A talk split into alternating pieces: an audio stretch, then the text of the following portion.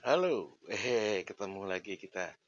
Sip, aduh ini sorry banget nih, udah lama banget nih gua nggak apa namanya ngupdate podcast gue.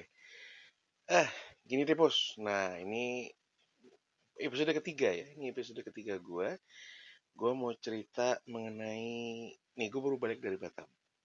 Gue baru balik dari Batam dan pas gue berangkat Senin lalu, itu gue ketemu sama salah seorang eh, gue bisa bilang youtuber lah kali ya. Jadi gini, dia itu sering nongol di channel YouTube-nya orang yang gue subscribe. Gue gak subscribe uh, orang yang gue temuin ini, tapi gue uh, apa namanya subscribe orang yang sering collab sama dia. Nah, dan banyak sih, banyak video-video uh, tentang mereka berdua tuh banyak gitu.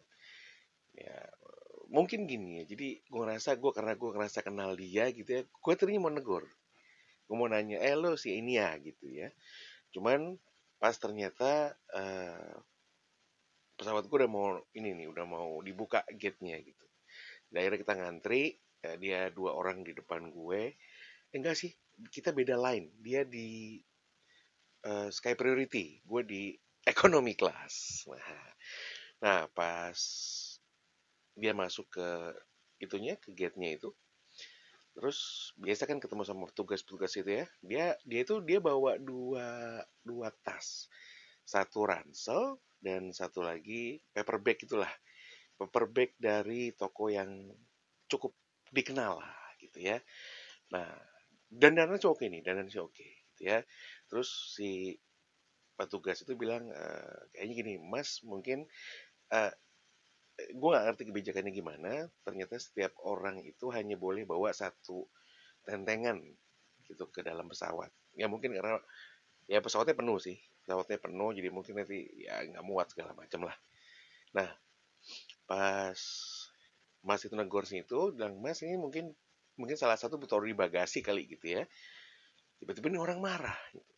Biasanya nggak gitu gua agak mereka agak ribut-ribut gitu terus yang gua kaget itu adalah dia ngomong gini jangan rese deh mas. Mas nggak tahu siapa saya. Widih gue bilang ini ini orang ini nih ini nih uh, apa namanya ngerasa selebriti gitu ya. Terus ya udah gue gue ikutin gitu ya gue liatin. Akhirnya boleh tuh sama si masnya itu dibolehin masuk gitu dengan dua paperback nah kemudian dia masuk. Terus gue jadi lihat gue jadi gue jadi ya, apa namanya nginget-nginget di video-video yang gue lihat dia gitu. Nah ternyata ya kalau gue lihat-lihat dia itu kolaps eh, sama orang yang udah terkenal jauh jauh terkenal. Nah dia itu sering kali dibully.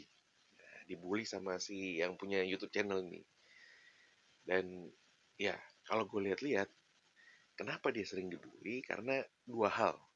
Yang pertama, nih orang lugu banget. Dan yang kedua, nih orang jelek banget, bos. Ya, gue bukannya gimana-gimana ya. ya. Ya gitu, jadi gue kemudian menemukan suatu pencerahan gitu bahwa, oh iya ya mungkin supaya lu atau kita bisa dikenal orang, itu kita tuh harus berada di dua kutub yang sangat ekstrim.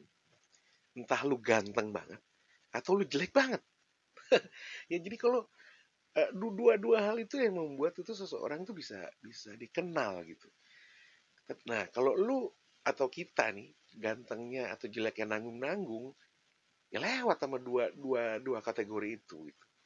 Nah terus gue kebayang gini gila ya ini orang jelek aja belagu gimana ganteng kan nah terus kemudian apa gue gue gue pikir-pikir lagi gitu ya ternyata memang uh, Tuhan tuh maha adil. Istri gue sering ngomong gini sama gue untung lah ya lu muka lu biasa aja.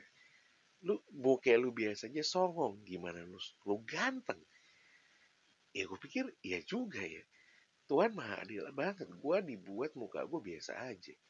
Ya walaupun gak dikutub yang jelek ya uh, gimana kalau gue ganteng? Orang gue biasa aja gue songong. Terus gue bilang ya oke lah. Terus eh, gue ikutin lagi dia gitu gue ikutin lagi dia gitu. Terus dia masuk ke kabin dan segala macam. Ya, sampai gue sambil mikir gitu gila ya bahwa apa enaknya apa enaknya ketika lo dikenal di kutub yang jelek tadi gitu? Uh, misalnya nih misal gue jadi dia gitu.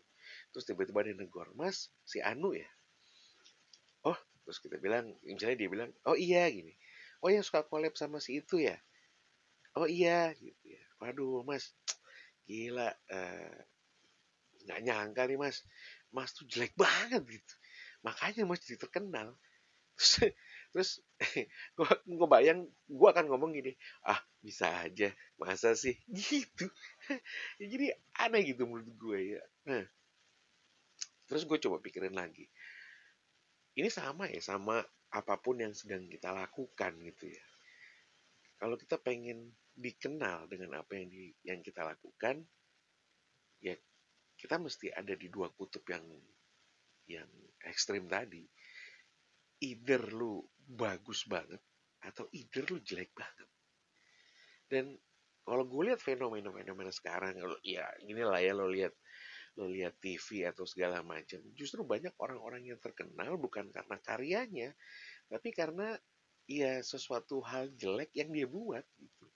Dan gue rasa apa manfaatnya ya buat hidup hidup kita gitu kalau kita dikenal karena sesuatu yang ya yang malu-maluin gitu.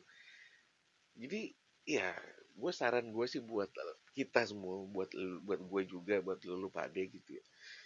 Ketika kita sedang ngerjain sesuatu, ya lakukanlah dengan sangat baik. Karena ya suatu saat kita pasti ya kita pengen dikenal lah dengan dengan karya-karya kita, dengan hasil kerja kita, dengan performance kita. Ya lakukanlah yang baik gitu.